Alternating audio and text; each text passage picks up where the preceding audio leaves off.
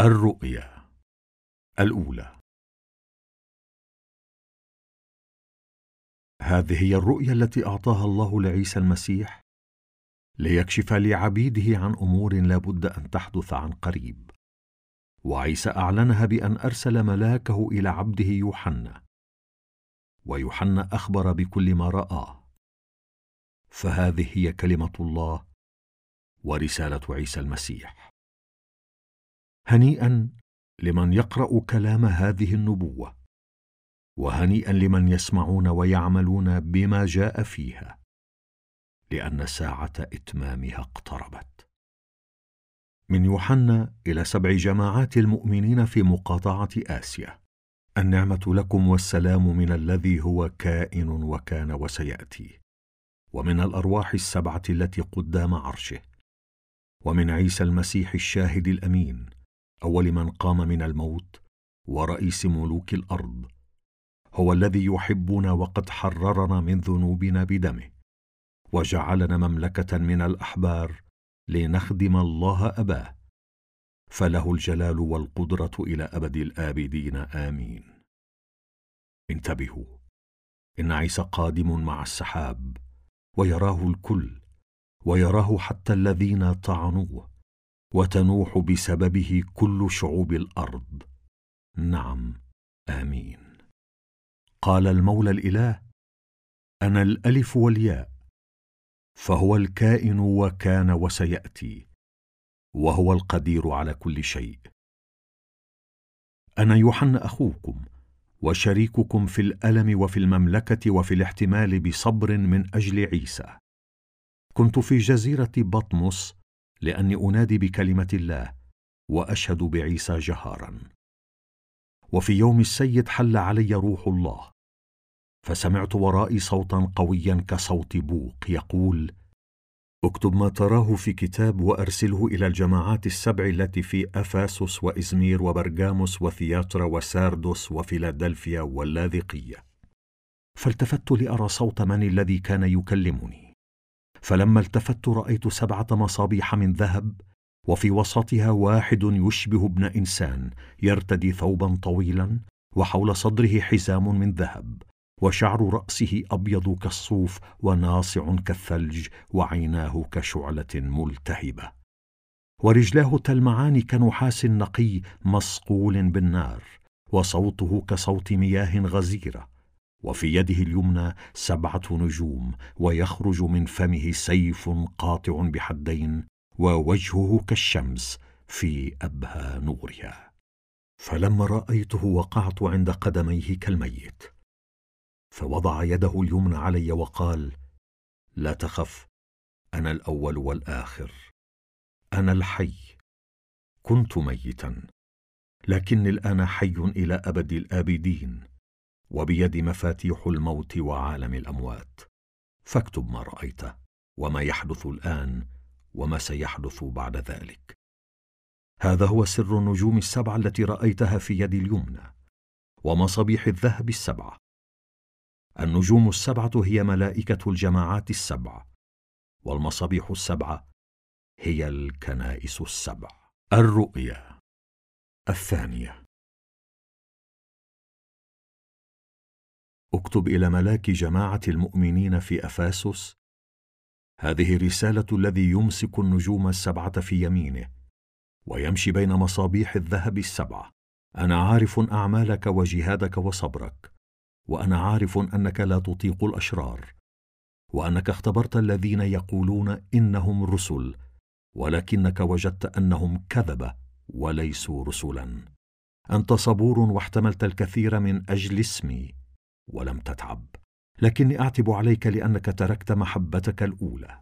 فاذكر أين كنت قبل ما سقطت وتب واعمل الأعمال التي كنت تعملها من قبل. وإلا فإن كنت لا تتوب آتي إليك وأزيل مصباحك من مكانه.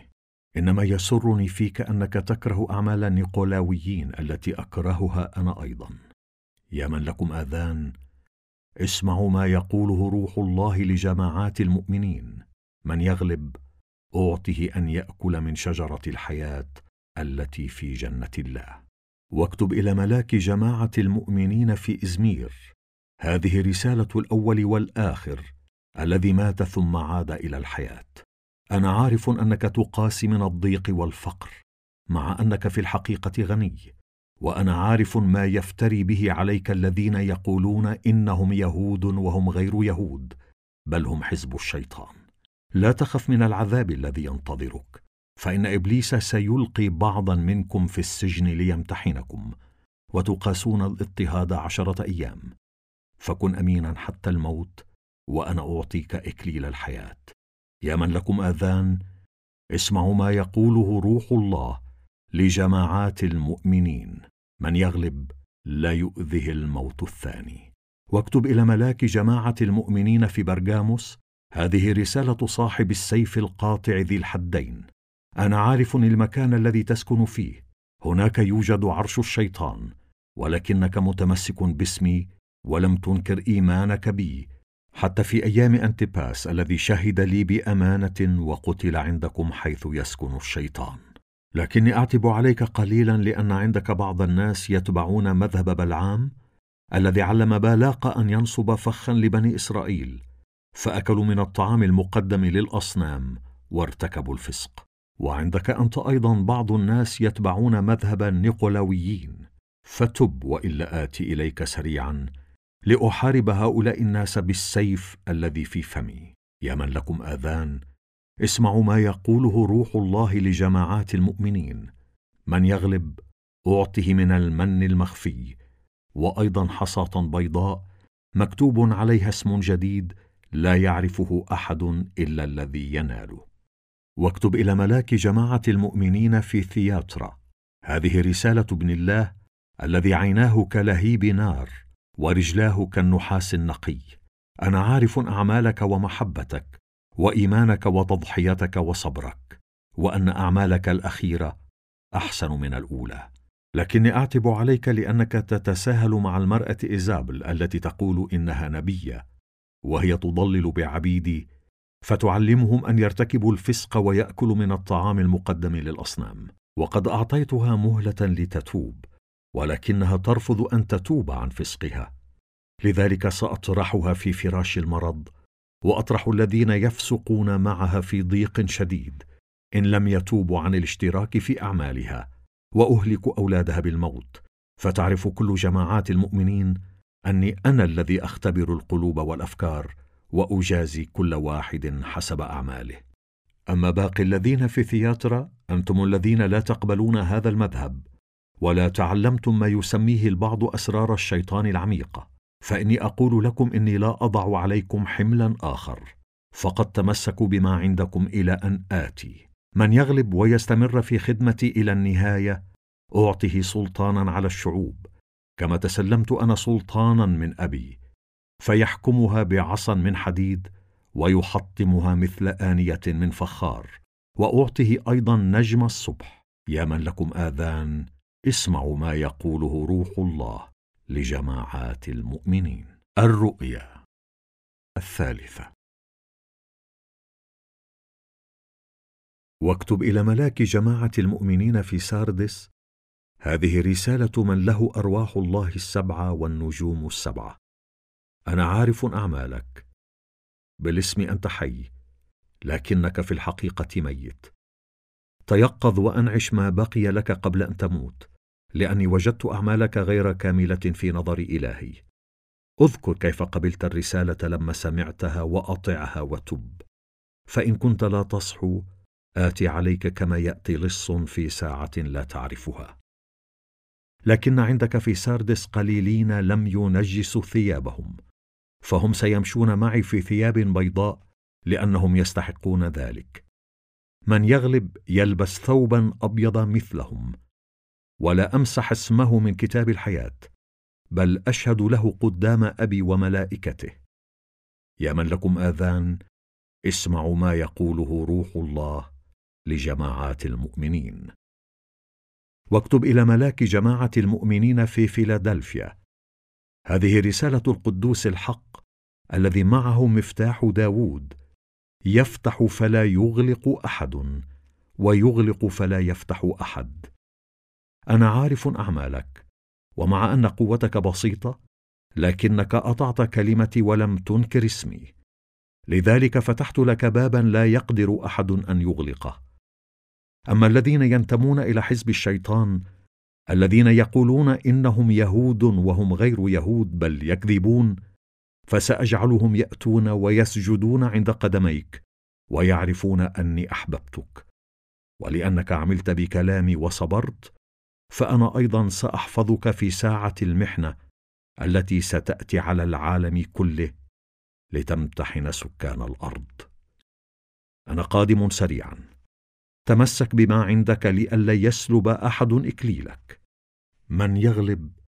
سأجعله عمودا في بيت إلهي فيبقى هناك إلى الأبد. وسأكتب عليه اسم إلهي واسم مدينة إلهي القدس الجديدة. التي تنزل من السماء من عند إلهي. وسأكتب عليه أيضا اسمي الجديد. يا من لكم آذان اسمعوا ما يقوله روح الله لجماعات المؤمنين. واكتب إلى ملاك جماعة المؤمنين في اللاذقية. هذه رسالة الأمين الشاهد الأمين الصادق أصل خليقة الله. أنا عارف أعمالك وأنك لا بارد ولا حار. ليتك كنت باردا أو حارا.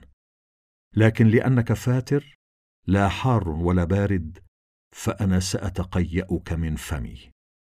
أنت تقول أنا غني واغتنيت ولا ينقصني شيء. فأنت لا تعلم أنك بائس وشقي وفقير وأعمى وعريان. أنصحك أن تشتري مني ذهبا منقا بالنار لكي تغتني بحق وثيابا بيضاء تلبسها فتستر عريك المخجل وكحلا تكحل به عينيك لكي ترى. أنا أوبخ وأؤدب كل من أحبه. فتحمس وتب. أنا هنا واقف على الباب وأطرق. إن سمع أحد صوتي وفتح الباب أدخل وأتعشى معه وهو معي. من يغلب أجلسه معي على عرشي. كما غلبت أنا وجلست مع أبي على عرشه. يا من لكم آذان اسمعوا ما يقوله روح الله لجماعات المؤمنين. الرؤيا الرابعة.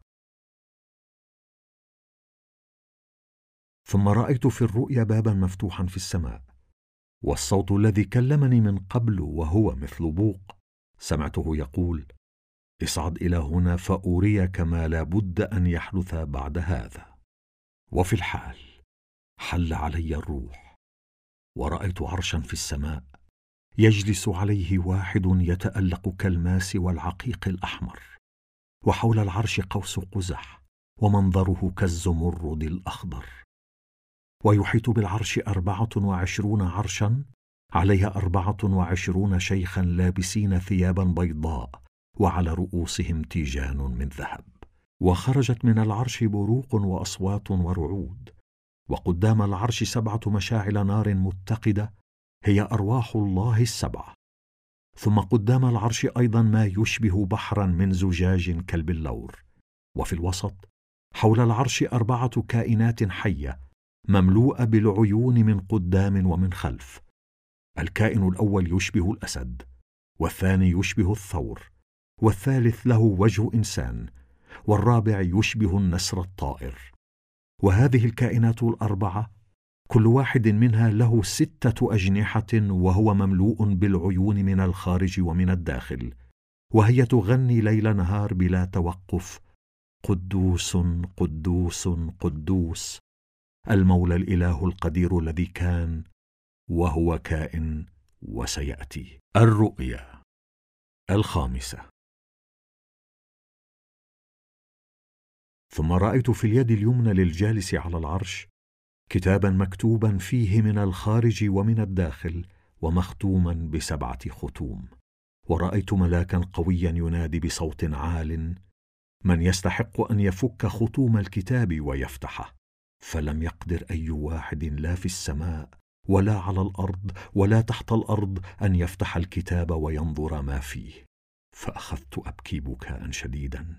لأنه لم يوجد من يستحق أن يفتح الكتاب وينظر ما فيه. فقال لي واحد من الشيوخ لا تبكي لأن الأسد الذي من قبيلة يهوذا سليل داود قد غلب وهو قادر أن يفتح الكتاب وختومه السبعة ثم رأيت حمل الفداء واقفا في وسط العرش وهو محفوف بالكائنات الحية الأربعة وبالشيوخ وشكله كأنه ذبح وله سبعة قرون وله أيضا سبع أعين هي أرواح الله السبعة التي أرسلها إلى الدنيا كلها. فتقدم وأخذ الكتاب من اليد اليمنى للجالس على العرش. فلما اخذه ركعت الكائنات الاربعه وركع الشيوخ الأربعة والعشرون قدام حمل الفداء. وكان مع كل واحد منهم قيثاره وكؤوس من ذهب مملوءة بالبخور أي دعاء الصالحين. وغنوا أغنية جديدة. أنت مستحق أن تأخذ الكتاب وتفتح ختومه لأنك ذبحت وبدمك الذي سفك. اشتريت لله اناسا من كل قبيلة ولغة وشعب وأمة وجعلتهم مملكة من الأحبار ليخدموا إلهنا وسيملكون على الأرض. وفي الرؤيا سمعت ترتيل الملايين من الملائكة. وهي تحيط بالعرش وبالكائنات الحية والشيوخ وتقول بصوت عال حمل الفداء الذي ذبح يستحق أن ينال القوة والثروة والحكمة والقدرة والكرامة والجلال والحمد. ثم سمعت كل المخلوقات في السماء وعلى الأرض وتحت الأرض وفي البحر. كل المخلوقات في الكون كله تهتف الحمد والكرامة والجلال والقدرة للجالس على العرش ولحمل الفداء إلى أبد الآبدين. وهنا ردت الكائنات الحية الأربعة. آمين. وركع الشيوخ وتعبدوا. الرؤيا السادسة. ثم رأيت حمل الفداء يفتح أول الختوم السبعة. وسمعت واحدا من الكائنات الحية الأربعة يقول بصوت كالرعد تعال. فرأيت قدامي فرسا أبيض وراكبه يحمل قوسا فأعطي تاجا وخرج يحرز نصرا بعد نصر. ولما فتح حمل الفداء الختم الثاني سمعت الكائن الثاني يقول تعال. فخرج فرس آخر لونه أحمر وراكبه نال القدرة أن ينزع السلام من الأرض ويجعل الناس يقتل بعضهم بعضا فأعطي سيفا كبيرا. ولما فتح حمل الفداء الختم الثالث سمعت الكائن الثالث يقول تعال. فرأيت قدامي فرسا أسود وراكبه يحمل ميزانا في يده وسمعت ما يشبه صوتا من بين الكائنات الحية الأربعة يقول حفنة القمح بدينار وثلاث حفنات الشعير بدينار أما الزيت والخمر فلا تضرهما. ولما فتح حمل الفداء الختم الرابع سمعت صوت الكائن الرابع يقول تعال. فرأيت قدامي فرسا شاحب اللون وراكبه اسمه الموت ويتبعه عالم الأموات. وأعطيت لهما السلطة لإبادة ربع سكان الأرض بالسيف والجوع والوباء وبوحوش الأرض الضارية. ولما فتح حمل الفداء الختم الخامس رأيت تحت منصة القربان نفوس الذين قتلوا بسبب كلمة الله والشهادة التي شهدوها. فصرخوا بصوت عال أيها السيد القدوس الحق إلى متى لا تعاقب أهل الدنيا ولا تنتقم منهم لدمائنا؟ فأعطي كل واحد منهم ثوبا أبيض وقيل لهم أن يصبروا قليلا حتى يتم استشهاد كل من سيقتل مثلهم من زملائهم وإخوتهم عبيد المسيح.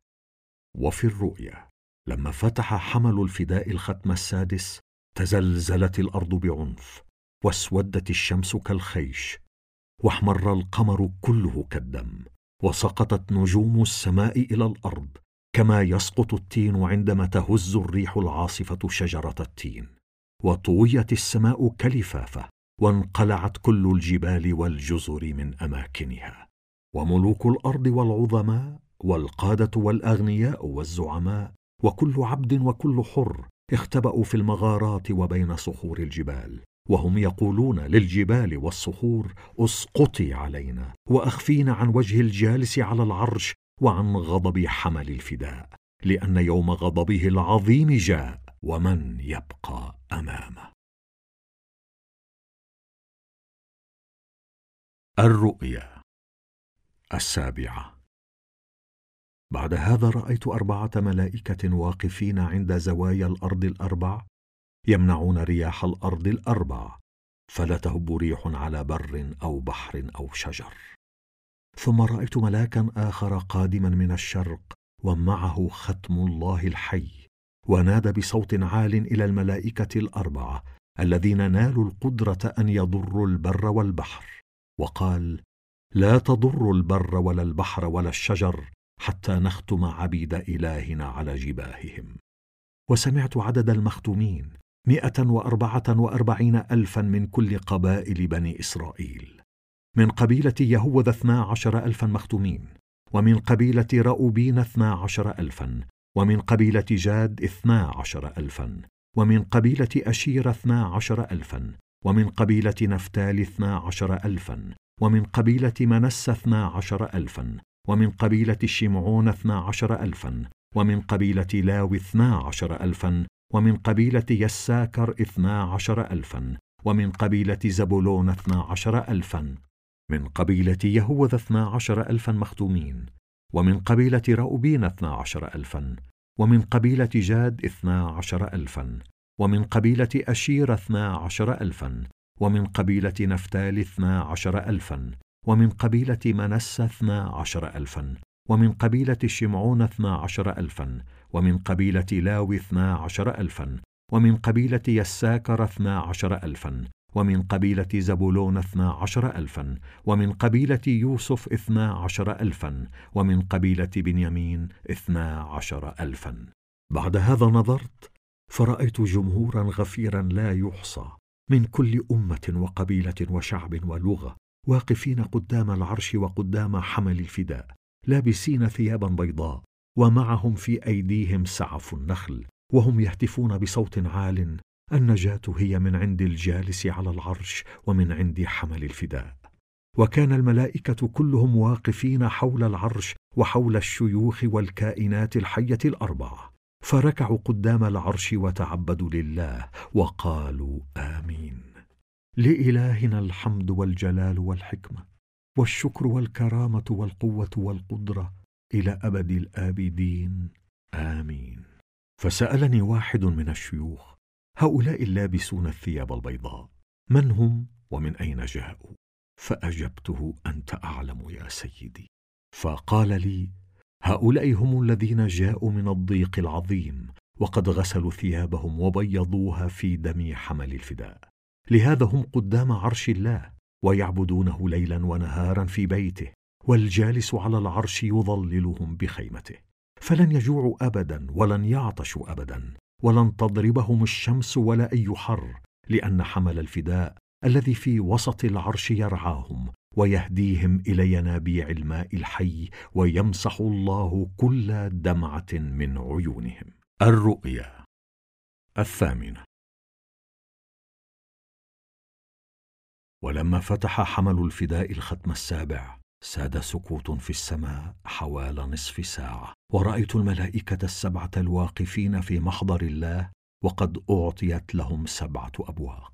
وجاء ملاك آخر معه مبخره من ذهب ووقف عند منصة القربان وأعطي بخورا كثيرا ليقدمه مع دعاء الصالحين على المنصة الذهبية قدام العرش. فتصاعد من يد الملاك دخان البخور ومعه دعاء الصالحين إلى محضر الله. ثم أخذ الملاك المبخرة وملأها من النار التي على المنصة ورماها إلى الأرض فحدثت رعود وأصوات وبروق وزلزال.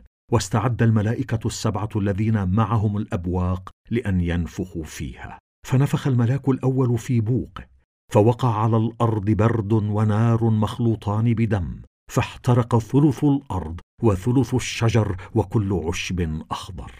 ونفخ الملاك الثاني في بوقه فوقع في البحر شيء كأنه جبل كبير مشتعل بالنار وتحول ثلث البحر إلى دم ومات ثلث الكائنات الحية التي في البحر وهلك ثلث السفن.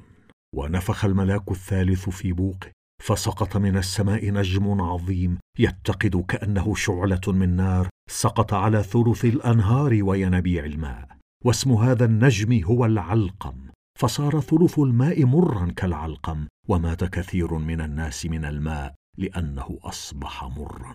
ونفخ الملاك الرابع في بوقه فضرب ثلث الشمس وثلث القمر وثلث النجوم فأظلم ثلثها وأصبح ثلث النهار بلا نور وكذلك ثلث الليل. ورأيت في الرؤيا نسرا طائرا في السماء يصيح بصوت عال. الويل الويل الويل لأهل الأرض عندما يدوي صوت الأبواق التي سينفخ فيها الملائكة الثلاثة. الرؤيا التاسعة.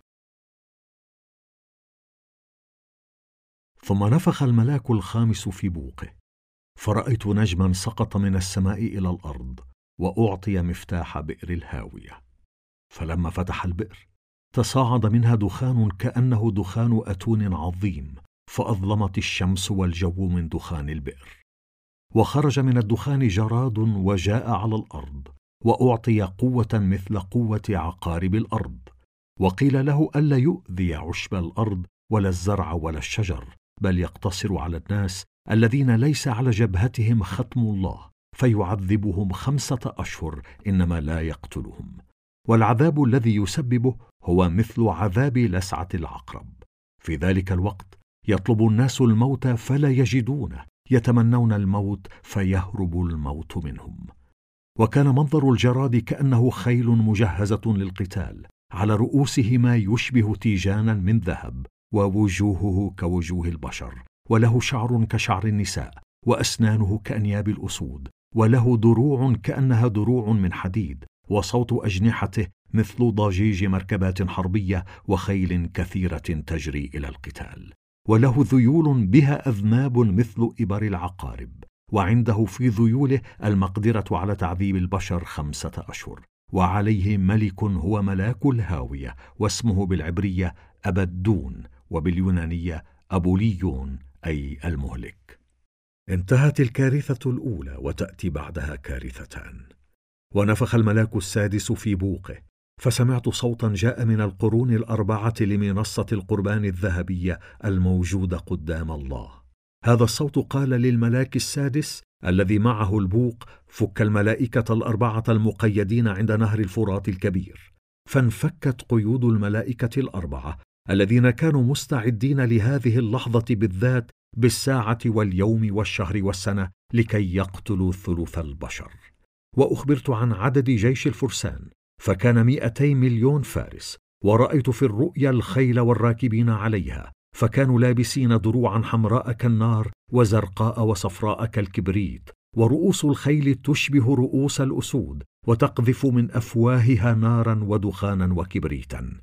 فهلك ثلث البشر بهذه المصائب الثلاث أي النار والدخان والكبريت التي خرجت من أفواهها.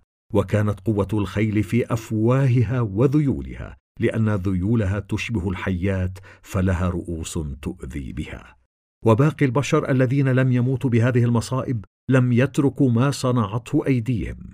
فلم يتوقفوا عن عبادة الشياطين والأصنام التي من ذهب وفضة ونحاس وحجر وخشب التي لا ترى ولا تسمع ولا تتحرك ولم يتوبوا عن القتل والسحر والزنا والسرقة. الرؤيا العاشرة. ثم رأيت ملاكا آخر قويا نازلا من السماء لابسا سحابة وعلى رأسه قوس قزح. وجهه كالشمس ورجلاه كعمودين من نار وفي يده كتاب صغير مفتوح. فوضع رجله اليمنى على البحر والشمال على البر وصرخ صرخة عظيمة كزئير الأسد. فلما صرخ ردت الرعود السبعة بأصواتها. فلما ردت الرعود السبعة تهيأت للكتابة. لكني سمعت صوتا من السماء يقول لي لا تكتب ما قالته الرعود السبعة بل احتفظ به سرا. والملاك الذي رأيته واقفا على البحر والبر رفع يده اليمنى نحو السماء وأقسم بالحي إلى أبد الآبدين خالق السماء وما فيها والأرض وما فيها والبحر وما فيه وقال لا مهلة بعد الآن بل عندما يحين الوقت لينفخ الملاك السابع في بوقه يتم سر الله. هذا السر هو الإنجيل الذي أعلنه لعبيده الأنبياء. والصوت الذي سمعته من السماء كلمني مرة أخرى وقال اذهب خذ الكتاب المفتوح الذي في يد الملاك الواقف على البحر والبر. فذهبت إلى الملاك وطلبت منه أن يعطيني الكتاب الصغير.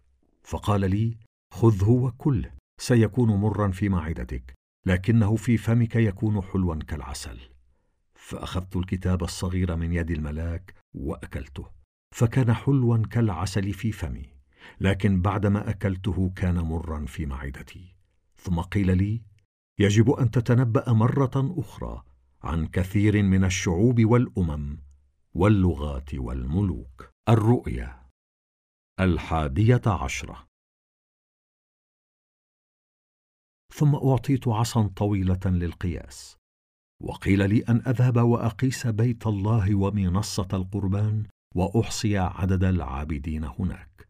إنما أترك الساحة التي خارج البيت لا أقيسها لأنها أعطيت للشعوب وسيدوسون المدينة المقدسة تحت أقدامهم اثنين وأربعين شهرا. وقال لي سأرسل شاهدين من عندي يلبسان الخيش ويتنبأان مدة ألف ومئتين وستين يوما. هذان الشاهدان هما شجرتا الزيتون والمصباحان القائمان في محضر رب الأرض فإن حاول أحد أن يؤذيهما تخرج نار من فمهما وتأكل أعداءهما. كل من يحاول أن يؤذيهما يقتل بهذه الطريقة وعندهما السلطة أن يغلقا السماء فلا تمطر في الوقت الذي فيه يتنبأان. وأيضا عندهما السلطة أن يجعلا المياه تتحول إلى دم وأن يضربا الأرض بكل أنواع المصائب كلما أرادا. وعندما يكملان شهادتهما فالوحش الذي يطلع من الهاوية يحاربهما ويغلبهما ويقتلهما. وتبقى جثتاهما مطروحتين في شارع المدينة العظيمة التي يرمز إليها باسم سدوم أو مصر حيث صلب سيدهما. وينظر الناس من كل شعب وقبيلة ولغة وأمة إلى جثتيهما مدة ثلاثة أيام ونصف ولا يسمح بدفنهما ويشمت بهما أهل الأرض ويفرحون كأنهم في عيد ويتبادلون الهدايا لأن هذين النبيين أنزلا بأهل الأرض عذابا شديدا. ثم بعد الأيام الثلاثة والنصف بعث الله فيهما روح الحياة فوقفا على أرجلهما والذين كانوا ينظرون خافوا جدا. ثم سمع النبيان صوتا عاليا من السماء يقول لهما اصعدا إلى هنا. فصعدا إلى السماء في سحابة بمشهد من أعدائهما. وفي نفس تلك اللحظة وقع زلزال عنيف فانهار عشر المدينة وقتل في الزلزال سبعة آلاف شخص فالذين نجوا أخذوا يسبحون الله من خوفهم. انتهت الكارثة الثانية. وستأتي الكارثة الثالثة حالا. ثم نفخ الملاك السابع في بوقه فارتفعت أصوات في السماء تقول صارت ممالك العالم تحت سلطان ربنا ومسيحه وسيملك إلى أبد الآبدين فركع الشيوخ الأربعة والعشرون الجالسون على عروشهم في محضر الله وتعبدوا له وقالوا أيها المولى الإله القدير الكائن والذي كان نحمدك لأنك أظهرت قدرتك العظيمة وبدأت تملك فغضبت الشعوب لكن جاء يوم غضبك أنت وحان الوقت لتحاكم الموتى وتكافئ عبيدك الأنبياء والصالحين. كل الذين يخافون اسمك صغارا وكبارا وتهلك الذين يفسدون الأرض. ثم انفتح بيت الله في السماء وظهر داخله صندوق العهد وحدثت بروق وأصوات ورعود وزلزال وبرد ثقيل. الرؤيا الثانية عشرة. وظهرت في السماء آية عظيمة. امرأة ملتحفة بالشمس والقمر تحت قدميها وعلى رأسها تاج من اثني عشر نجما وهي حبلى وعلى وشك أن تلد فصرخت من الوجع. وظهرت في السماء آية أخرى تنين أحمر ضخم جدا له سبعة رؤوس وعشرة قرون وعلى رؤوسه سبعة تيجان وسحب بذيله ثلث نجوم السماء ورماها إلى الأرض. ثم وقف التنين قدام المرأة التي على وشك أن تلد لكي يبتلع وليدها بمجرد أن يولد. فولدت المرأة ولدا ذكرا هو الذي يحكم الأمم بعصا من حديد. وخطف ابنها هذا إلى الله وإلى عرشه. أما المرأة فهربت إلى الصحراء حيث أعد الله لها مكانا تعال فيه مدة ألف ومائتين وستين يوما. ثم قامت حرب في السماء. ميخائيل وملائكته حاربوا التنين فحاربهم التنين بملائكته. لكنه انهزم فخسر مكانه في السماء هو وملائكته. فطرح التنين العظيم إلى الأرض هو الحية القديمة واسمه إبليس أو الشيطان الذي يقود العالم كله إلى الضلال. طرح إلى الأرض وطرحت معه ملائكته. وسمعت صوتا عاليا في السماء يقول اليوم تمت النجاة فالقدرة والملك لإلهنا والسلطان لمسيحه لأنه قد طرح المشتكي ضد إخوتنا الذي يشتكي ضدهم قدام إلهنا ليلا ونهارا وهم غلبوه بدم حمل الفداء. وبالشهادة التي شهدوا بها ولم تكن حياتهم عزيزة عليهم بل رحبوا بالموت. فافرحي أيتها السماوات وافرحوا يا أهلها. ويل للأرض والبحر لأن إبليس نزل عليكما بغضب عظيم. وهو يعلم أن أيامه معدودة. فلما رأى التنين أنه طرح إلى الأرض أخذ يتبع المرأة التي ولدت الابن الذكر. فأعطيت المرأة جناحي نسر ضخم لكي تطير بهما إلى المكان المعد لها في الصحراء لإعالتها مدة ثلاث سنين ونصف بعيدا عن الحية. فقذفت الحية من فمها ماء كالنهر وراء المرأة لتغرقها فيه لكن الأرض ساعدت المرأة بأن فتحت الأرض فمها وبلعت النهر الذي قذفه التنين من فمه. فغضب التنين على المرأة وراح يحارب باقي أولادها أي الذين يطيعون وصايا الله ويشهدون أنهم أتباع عيسى ووقف التنين على شاطئ البحر. الرؤيا الثالثة عشرة. ورأيت وحشا طالعا من البحر له عشرة قرون وسبعة رؤوس وعلى قرونه عشرة تيجان وعلى رؤوسه أسماء كفر. وهذا الوحش الذي رأيته يشبه النمر لكن له أرجل كأرجل الدب وفم كفم الأسد وأعطاه التنين قدرته وعرشه وسلطة عظيمة وظهر أحد رؤوس الوحش كأن بها جرحا قاتلا لكن الجرح القاتل شفي فتعجب العالم كله وتبع الوحش. وتعبد الناس للتنين لأنه أعطى الوحش سلطة وتعبدوا أيضا للوحش وقالوا من مثل الوحش؟ من يقدر أن يحاربه؟ وأعطي الوحش فمن ينطق بكلام الكبرياء والكفر وأن يمارس سلطته مدة اثنين وأربعين شهرا فأخذ يكفر بالله ويسب اسمه وبيته وأهل السماء وأعطي القوة أن يحارب الصالحين ويغلبهم. كما أعطي السلطة على كل قبيلة وشعب ولغة وأمة. فيتعبد له كل أهل الدنيا الذين لم تكتب أسماؤهم في كتاب الحياة كتاب حمل الفداء المذبوح منذ خلق العالمين. اسمعوني يا من لكم آذان. من مصيره السجن فإلى السجن يذهب ومن مصيره الموت بالسيف فبالسيف يقتل. وفي هذه الحالة يحتاج الصالحون إلى الصبر والإيمان.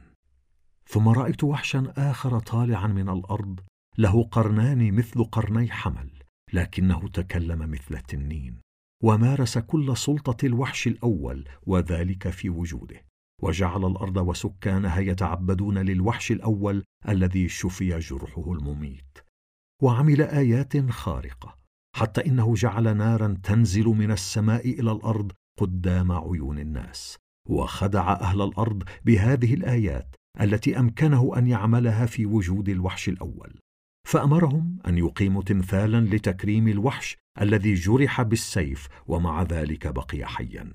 وأعطي القوة أن يجعل الحياة تدب في تمثال الوحش الأول فيتكلم التمثال. وأن يقتل كل من رفض أن يتعبد للتمثال.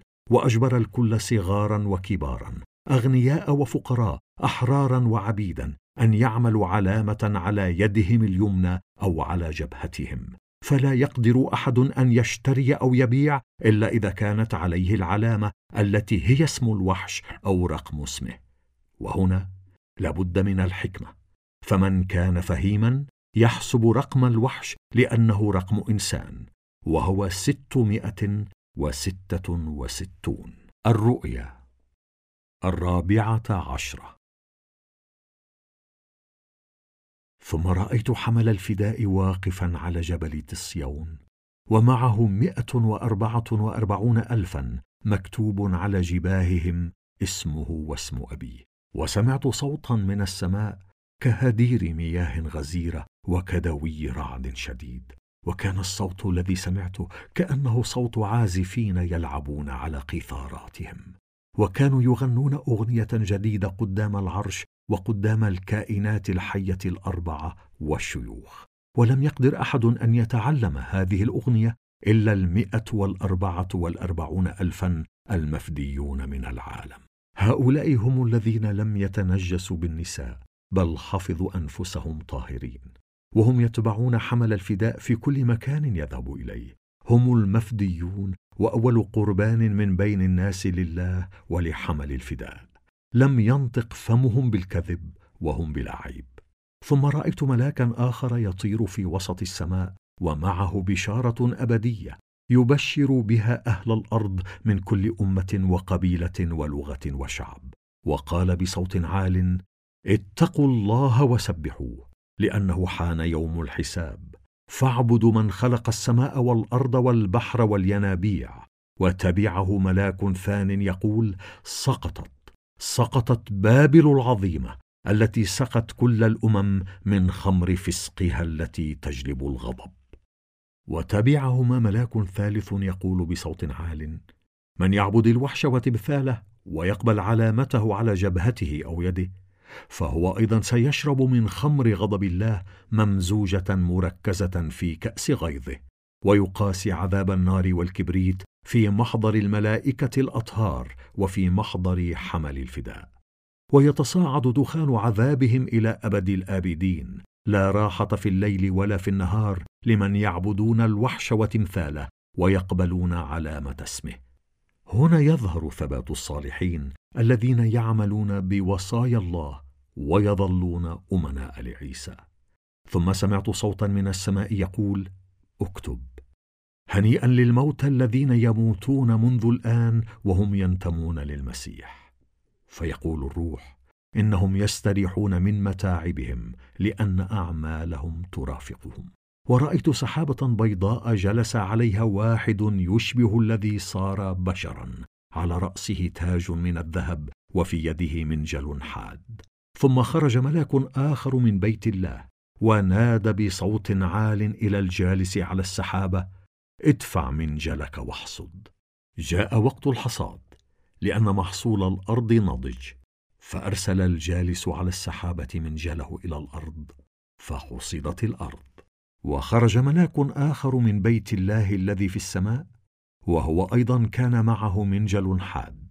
ثم خرج من منصة القربان ملاك آخر له السلطة على النار ونادى بصوت عال إلى الذي معه المنجل الحاد وقال ادفع منجلك الحاد واقطف عناقيد كروم الأرض لأن عنبها نضج فأرسل الملاك منجله إلى الأرض وقطف العناقيد ورماها في معصرة ضخمة هي معصرة غضب الله خارج المدينة حيث داستها الأرجل. حتى جرى الدم من المعصرة بارتفاع حوالي متر ونصف مسافة ثلاثمائة وخمسين كيلومترا تقريبا. الرؤيا الخامسة عشرة. ثم رأيت في السماء آية أخرى عظيمة وعجيبة. سبعة ملائكة معهم المصائب السبع الأخيرة التي بها يكمل غضب الله. ورأيت ما يشبه بحرا من الزجاج المخلوط بالنار وقد وقف بجانبه الذين غلبوا الوحش وتمثاله ورقم اسمه وهم ماسكون قيثارات أعطاها لهم الله ويغنون أغنية موسى عبد الله وأغنية حمل الفداء. فيقولون عظيمة وعجيبة هي أعمالك أيها المولى الإله القدير عادلة وحق هي طرقك يا ملك الدهور. من لا يخافك يا رب من لا يسبح اسمك لأنك أنت وحدك قدوس. كل الأمم تأتي وتسجد قدامك لأن أعمالك الصالحة ظهرت. بعد هذا رأيت البيت المقدس في خيمة العهد قد انفتح في السماء. فخرج منه الملائكة السبعة الذين معهم المصائب السبع وكانوا لابسين ثيابا من كتان خالص براق. وحول صدورهم أحزمة من ذهب. فواحد من الكائنات الحية الأربعة أعطى هؤلاء الملائكة السبعة سبع كؤوس من ذهب مملوءه من غضب الله الحي إلى أبد الآبدين. فامتلأ البيت دخانا من جلال الله وقدرته ولم يقدر أحد أن يدخل البيت حتى تتم المصائب السبع التي ينزلها الملائكة السبعه الرؤيا السادسة عشرة. ثم سمعت صوتا عاليا من بيت الله يقول للملائكة السبعة اذهبوا واسكبوا على الأرض سبع كؤوس غضب الله. فراح الملاك الأول وسكب كأسه على الأرض فحدثت قروح خبيثة موجعة أصابت الناس الذين عليهم علامة الوحش والذين يعبدون تمثاله. وسكب الملاك الثاني كأسه في البحر فتحول إلى دم مثل دم الميت فماتت كل المخلوقات الحية التي في البحر.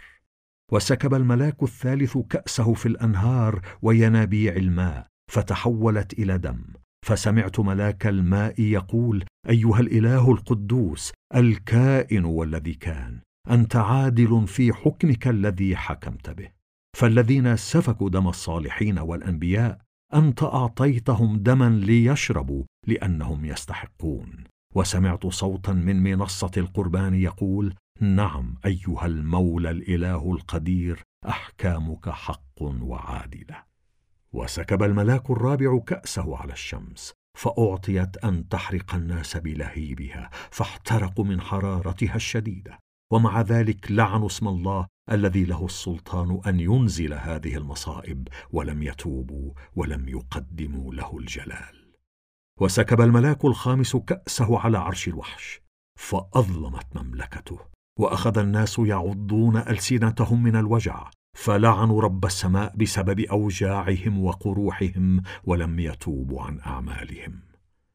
وسكب الملاك السادس كأسه في نهر الفرات الكبير فجف ماؤه وأصبح طريقا معدا للملوك القادمين من الشرق. ثم رأيت ثلاثة أرواح شريرة شكلها مثل الضفادع خارجة من فم التنين ومن فم الوحش ومن فم النبي الدجال. وهي أرواح شيطانية؟ تعمل المعجزات وتذهب إلى ملوك العالم كله لتجمعهم للحرب في ذلك اليوم العظيم يوم الله القدير. انتبهوا. أنا آت كما يأتي لص فهنيئا لمن يسهر ويحرس ثيابه لئلا يمشي عريانا ويفضح أمام الناس. وهذه الأرواح الشيطانية جمعت الملوك معا إلى المكان الذي يسمى بالعبرية هرمجدون. وسكب الملاك السابع كأسه في الهواء فجاء صوت عال من بيت الله من العرش وقال قضي الأمر.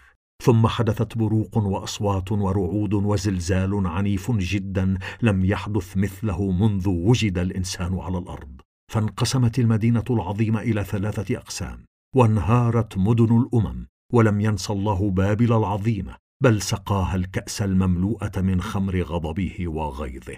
واختفت كل الجزر وزالت الجبال وسقط من السماء على الناس برد عظيم وزن الواحدة منه ما يقرب من خمسين كيلوغراما.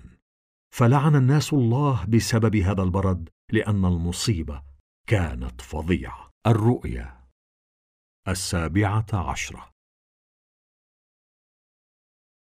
وجاءني واحد من الملائكة السبعة الذين معهم الكؤوس السبع وقال لي تعال فأريك عقاب العاهرة الكبرى. المدينة القائمة على مياه كثيرة. والتي زنى معها ملوك العالم وسكر أهل الأرض من خمر فسقها. ثم حملني الملاك بالروح إلى الصحراء. فرأيت امرأة راكبة على وحش لونه قرمزي مغطى بأسماء كفر وله سبعة رؤوس وعشرة قرون. وكانت المرأة لابسة ملابس من أرجوان وقرمز ومزينة بالذهب والحجارة الكريمة واللؤلؤ. وبيدها كأس من ذهب مملوء بأشياء قبيحة وقذرة من زناها ومكتوب على جبهتها اسم له معنى سري بابل العظيمة أم العاهرات وقباحات الدنيا. ورأيت المرأة سكرانة من دم الصالحين ومن دم الذين ماتوا شهداء في سبيل عيسى. فاندهشت لما رأيتها. فقال لي الملاك لماذا اندهشت؟ سأخبرك عن سر هذه المرأة وسر الوحش الذي يحملها الذي له الرؤوس السبعة والقرون العشرة. هذا الوحش الذي رأيته كان موجودا وهو الآن غير موجود وسيطلع من الهاوية ويذهب إلى الهلاك. وسيتعجب أهل الدنيا الذين لم تكتب أسماؤهم منذ خلق العالم في كتاب الحياة عندما يرون الوحش لأنه كان موجودا. وهو الآن غير موجود ولكنه سيظهر مرة أخرى. وهنا لابد من الفهم والحكمة. الرؤوس السبعة هي سبعة تلال تجلس عليها المرأة وهي أيضا سبعة ملوك. خمسة منهم سقطوا والسادس موجود والسابع لم يات بعد. وهو عندما يأتي يبقى فترة قصيرة. والوحش الذي كان موجودا والآن غير موجود هو ملك ثامن مع أنه واحد من السبعة وهو في طريقه إلى الهلاك. والقرون العشرة التي رأيتها هي عشرة ملوك لم يملكوا بعد لكنهم سيملكون مع الوحش ساعة واحدة ولهم هدف واحد أن يعطوا الوحش قوتهم وسلطتهم ثم يحاربون حمل الفداء ولكنه يغلبهم لأنه رب الأرباب وملك الملوك. وأتباعه الأمناء الذين دعاهم واختارهم يغلبون معه. ثم قال لي الملاك أما المياه التي رأيتها حيث جلست العاهرة فهي شعوب وجماهير وأمم ولغات والقرون العشره التي رأيتها والوحش سيكرهون العاهرة ويخلعون عنها ثيابها ويتركونها خرابا ثم يأكلون لحمها ويحرقونها بالنار. لأن الله وضع في قلوبهم أن ينفذوا قصده. فيتفقوا على أن يعطوا الوحش سلطانهم الملكي إلى أن يتحقق كلام الله. والمرأة التي رأيتها هي المدينة العظيمة التي تتسلط على ملوك الأرض. الرؤيا الثامنة عشرة. بعد هذا رأيت ملاكا آخر نازلا من السماء له سلطة عظيمة وأضاء بهاؤه الأرض وصرخ بصوت عال سقطت سقطت بابل العظيمة وأصبحت وكرا للشياطين ومأوى لكل روح شرير ولكل طائر نجس مكروه لأن الأمم كلها شربت من خمر فسقها وشرها. ملوك الأرض زنوا معها وتجار الأرض اغتنوا من كثرة نعيمها. ثم سمعت صوتا آخر من السماء يقول اخرجوا منها يا شعبي لئلا تشتركوا في ذنوبها وتأتي عليكم مصائبها. فقد تراكمت ذنوبها حتى وصلت إلى السماء ولم ينس الله جرائمها. افعلوا بها كما فعلت بكم بل ضاعفوا لها جزاء ما فعلت والكأس التي مزجتها اسقوها منها نصيب اثنين. عذبوها وأحزنوها بقدر ما عظمت نفسها وتنعمت لأنها تقول في نفسها أنا جالسة ملكة ولست أرملة ولن أذوق الحزن ابدا. لذلك تأتي عليها المصائب في يوم واحد الموت والحزن والجوع وتحترق بالنار لأن الله الذي حكم عليها هو المولى القدير. سيبكي عليها ويندبها ملوك الأرض الذين زنوا معها وتنعموا معها حين يشاهدون دخان حريقها ويقفون بعيدا خوفا من عذابها ويقولون الويل الويل لك أيتها المدينة العظيمة يا بابل القوية في ساعة واحدة حل بك العقاب. وسيبكي عليها ويندبها تجار الأرض لأن بضاعتهم لن يشتريها أحد. بضاعة من ذهب وفضة وحجر كريم ولؤلؤ وكتان وأرجوان وحرير وقرمز وعطور متنوعة ومصنوعات من العاج والخشب الثمين ونحاس وحديد ورخام وقرفه وتوابل وبخور ومر ولبان وخمر وزيت ودقيق وقمح وبهائم وغنم وخيل وعربات وناس بأجسامهم ونفوسهم. ويقولون ضاع منك الثمر الذي اشتهته نفسك. كل الغنى والنعيم راح عنك ولن تجديه. والتجار الذين كانوا يبيعون هذه الأشياء واغتنوا من هذه المدينة سيقفون بعيدا خوفا من عذابها ويبكون ويندبون ويقولون الويل الويل لك أيتها المدينة العظيمة هي التي كانت تلبس الكتان والأرجوان والقرمز وتتحلى بالذهب والحجر الكريم واللؤلؤ في ساعة واحدة ضاع كل هذا الغنى وكل قادة السفن والركاب والبحارة وجميع الذين يرتزقون من البحر سيقفون بعيدا يشاهدون دخان حريقها ويصيحون أي مدينة كهذه المدينة العظيمة؟ ويرمون التراب على رؤوسهم ويبكون وينوحون ويصرخون الويل الويل لك أيتها المدينة العظيمة! هي التي من ثروتها اغتنى أصحاب سفن البحر جميعا في ساعة واحدة خربت. اشمتي بها أيتها السماء.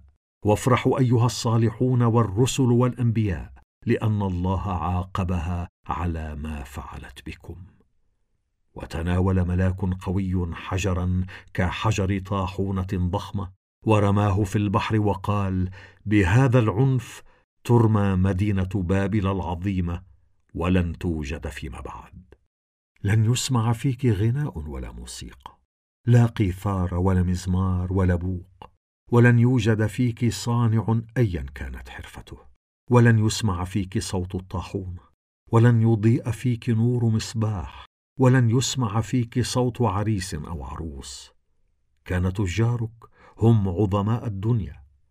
وسحرك قاد كل الأمم إلى الضلال. في هذه المدينة يوجد دم الأنبياء والصالحين وكل من قتل على الأرض. الرؤيا التاسعة عشرة. بعد هذا سمعت صوتا عاليا كأنه صوت جمهور غفير في السماء يقول لله الحمد النصر والجلال والقدرة لإلهنا لأن أحكامه حق وعادلة. فقد حكم على العاهرة الكبرى التي أفسدت الأرض بفسقها وانتقم منها لدم عبيده. وقالوا مرة أخرى لله الحمد دخانها يتصاعد إلى أبد الآبدين. فركع الشيوخ الأربعة والعشرون والكائنات الحية الأربعة وتعبدوا لله الجالس على العرش وقالوا آمين لله الحمد. وجاء من العرش صوت يقول سبحوا إلهنا يا جميع عبيده الذين يتقون صغارا وكبارا. ثم سمعت صوتا كأنه صوت جمهور غفير كهدير مياه غزيرة وكدوي رعد شديد يقول لله الحمد ملك المولى إلهنا القدير فلنفرح ونبتهج ونعظمه لأن عرس حمل الفداء حان وعروسه هيأت نفسها واعطيت ثوبا من الكتان الأبيض النقي لكي تلبس والكتان يرمز إلى أعمال المؤمنين الصالحة. ثم قال الملاك لي اكتب هذا هنيئا للمدعوين إلى وليمة عرس حمل الفداء. وأضاف وقال هذا كلام الله كلام الحق. فركعت عند قدميه لأتعبد له فقال لي لا تفعل. أنا عبد مثلك ومثل إخوتك الذين يشهدون أنهم أتباع عيسى. أسجد لله. لأن من يشهد لعيسى يكون فيه الروح الذي يلهم الأنبياء. ثم رأيت السماء مفتوحة وإذا فرس أبيض والراكب عليه اسمه الأمين والصادق لأنه يقضي ويحارب بالعدل. عيناه كلهيب نار وعلى رأسه تيجان كثيرة. وله اسم مكتوب عليه لا يعرفه أحد غيره وهو لابس ثوبا مغموسا في الدم واسمه كلمة الله وكانت تتبعه على خيل بيض جيوش السماء لابسة ثيابا من الكتان الأبيض النقي ويخرج من فمه سيف حاد ليضرب به الأمم وهو سيحكمها بعصا من حديد ويدوس العنب في المعصرة رمزا لثورة غضب الله القدير. ومكتوب على ثوبه وعلى فخذه هذا الاسم ملك الملوك ورب الأرباب. ثم رأيت ملاكا واقفا في الشمس فصرخ بصوت عال إلى كل الطيور التي تطير في السماء وقال تعالي معا إلى وليمة الله الكبرى لتاكلي لحم ملوك وقادة وأبطال وخيل والراكبين عليها ولحم كل الناس أحرارا وعبيدا صغارا وكبارا. ثم رأيت الوحش وملوك الأرض وجيوشهم وقد اجتمعوا معا ليحاربوا هذا الراكب على الفرس وجيشه. فقبض على الوحش وعلى النبي الدجال الذي عمل الآيات في حضور الوحش تلك الآيات التي أضل بها الذين قبلوا علامة الوحش والذين عبدوا تمثاله وألقي الوحش والنبي الدجال وهما على قيد الحياة إلى بحيرة النار المتقدة بالكبريت. والباقون قتلوا بالسيف الخارج من فم الراكب على الفرس فشبعت كل الطيور من لحمهم. الرؤيا العشرون. ثم رأيت ملاكا نازلا من السماء وبيده مفتاح الهاوية وسلسلة عظيمة. فامسك التنين الذي هو الحية القديمة أي إبليس أو الشيطان وقيده مدة ألف سنة ورماه في الهاوية وأقفلها عليه وختمها لكي لا يضل الأمم فيما بعد حتى تنتهي الألف سنة. وبعد ذلك لا بد من أن يطلق فترة قصيرة. ثم رأيت عروشا والذين جلسوا عليها أعطيت لهم سلطة القضاء ورأيت نفوس الذين قطعت رؤوسهم لأنهم شهدوا لعيسى وبشروا بكلمة الله. فهم لم يعبدوا الوحش ولا تمثاله ولم يقبلوا العلامة على جباههم ولا على أيديهم. هؤلاء عادوا إلى الحياة وملكوا مع المسيح ألف سنة. هذه هي القيامة الأولى. أما باقي الموتى فلم يعودوا إلى الحياة حتى تنتهي الألف سنة. كل من لهم نصيب في القيامة الأولى هم مباركون وصالحون. لن يكون للموت الثاني سلطان عليهم بل يكونون احبارا لله والمسيح ويملكون معه ألف سنة. ومتى انتهت الألف سنة؟ يطلق الشيطان من سجنه فيخرج ليضل الأمم التي في جميع أنحاء الأرض جوج وماجوج ويجمعهم إلى الحرب وعددهم كثير جدا كرمل البحر فزحفوا بعرض الأرض كلها وحاصروا معسكر المؤمنين المدينة المحبوبة فنزلت نار من السماء وأكلتهم. وإبليس الذي أضلهم طرح في بحيرة النار والكبريت التي فيها الوحش والنبي الدجال. هناك يتعذبون نهارا وليلا إلى أبد الآبدين. ثم رأيت عرشا عظيما أبيض ورأيت الجالس عليه هو الذي هاربت السماء والأرض من محضره ولم يوجد لهما أثر. ورأيت الموت كبارا وصغارا واقفين قدام العرش وانفتحت الكتب ثم انفتح كتاب آخر هو كتاب الحياة وحكم على الموتى بما هو مسجل في تلك الكتب. كل واحد حسب أعماله. وسلم البحر الموتى الذين فيه وسلم الموت وعالم الأموات الموتى الذين فيهما. وحكم على كل واحد حسب أعماله. ثم طرح الموت وعالم الأموات في بحيرة النار. هذه البحيرة هي الموت الثاني. وكل من كان اسمه غير مكتوب في كتاب الحياة طرح في بحيرة النار. الرؤيا الواحدة والعشرون. ثم رأيت سماء جديدة وأرضا جديدة لأن السماء الأولى والأرض الأولى زالتا ولم يبق للبحر وجود. ورأيت المدينة المقدسة القدس الجديدة نازلة من السماء من عند الله كعروس تزينت واستعدت للقاء عريسها. وسمعت صوتا عظيما من العرش يقول الآن مسكن الله هو وسط البشر. فهو يسكن معهم هم يكونون شعبه والله نفسه يكون معهم ويكون إلههم. وسيمسح كل دمعة من عيونهم ويزول الموت والحزن والبكاء والألم لأن الأمور القديمة كلها انتهت. وقال الجالس على العرش سأصنع كل شيء جديدا. ثم قال لي اكتب هذا لأن هذا الكلام صدق وحق. وقال قضي الأمر. أنا هو الألف والياء البداية والنهاية. أنا أسقي العطشان مجانا من ينبوع ماء الحياة. من يغلب يكن كل هذا من نصيبه وأنا أكون إلهه وهو يكون ابني.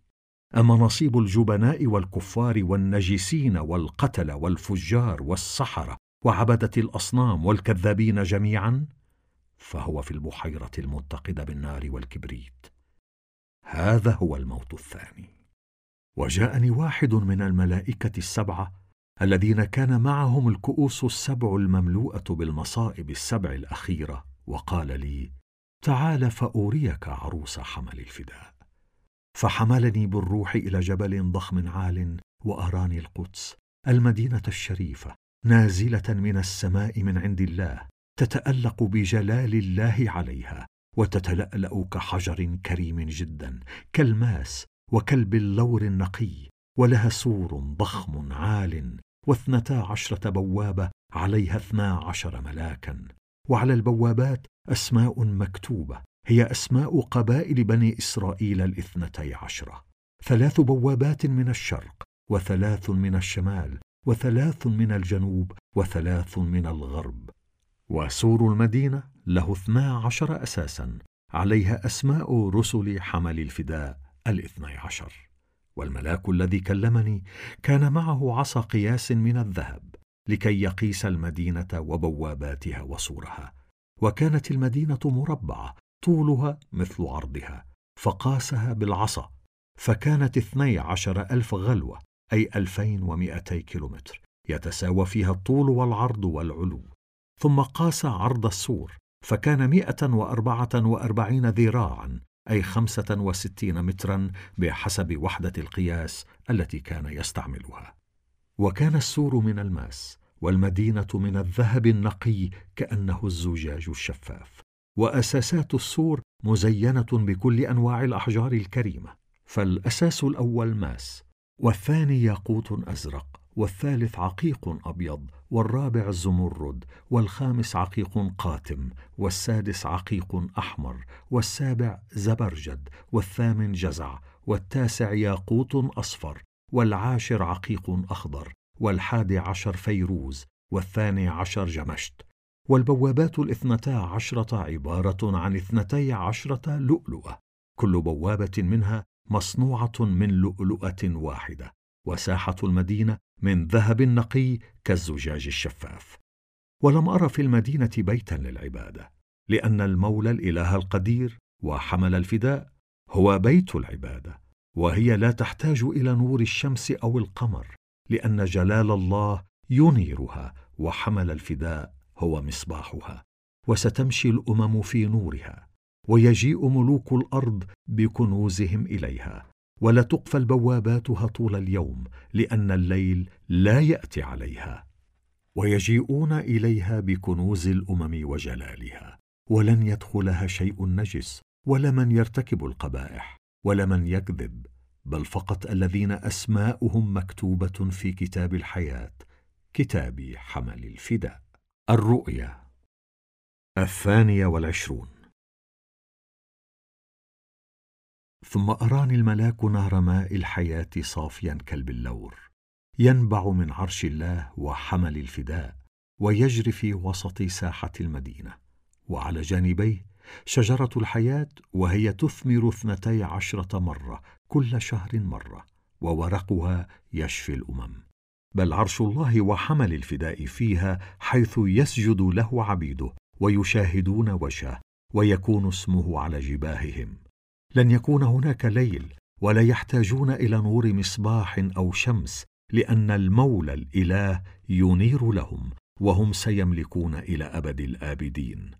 ثم قال الملاك لي هذا الكلام صدق وحق. المولى الإله الذي يوحي إلى الأنبياء أرسل ملاكه ليكشف لعبيده ما لا بد أن يحدث عن قريب. أنا قادم سريعا هنيئا لمن يعمل بكلام النبوة الذي في هذا الكتاب. وأنا يوحنا سمعت ورأيت هذه الأشياء. فلما سمعتها ورأيتها ركعت لأسجد عند قدمي الملاك الذي أراها لي. فقال لي لا تفعل. أنا عبد مثلك ومثل إخوتك الأنبياء وكل الذين يعملون بكلام هذا الكتاب. أسجد لله. ثم قال لي لا تختم كلام النبوة الذي في هذا الكتاب لأن الوقت قريب. ليستمر الشرير في شره والنجس في نجاسته والطاهر في طهارته والصالح في صلاحه. أنا قادم سريعا ومعي الجزاء الذي أجازي به كل واحد حسب عمله. أنا الألف والياء الأول والآخر البداية والنهاية. هنيئا لمن يغسلون ثيابهم لأن لهم الحق في شجرة الحياة والحق في دخول المدينة من بواباتها. أما خارج المدينة فهناك الكلاب والسحره والفجار والقتلة وعبدة الأصنام وكل من يكذب أو يحب الكذب. أنا عيسى أرسلت إليكم ملاكي ليعلن هذه الأمور لكم لمنفعة جماعات المؤمنين. أنا سليل داود ونسله أنا نجم الصبح المنير. الروح القدوس والعروس يقولان تعال وكل من يسمع فيجب أن يقول تعال ليأتي العطشان وكل من أراد ليشرب ماء الحياة مجانا. وإني أنظر كل من يسمع كلام النبوة الذي جاء في هذا الكتاب. إن كان واحد يزيد عليه شيئا يزيد الله عليه المصائب المذكورة في هذا الكتاب. وإن كان واحد يحذف شيئا من كلام النبوة الذي في هذا الكتاب يحذف الله نصيبه من شجرة الحياة ومن المدينة المقدسة اللتين جاء وصفهما في هذا الكتاب. والذي يشهد لهذه الأمور يقول نعم أنا قادم سريعا. آمين. تعال يا مولانا عيسى. نعمة مولانا عيسى معكم جميعا.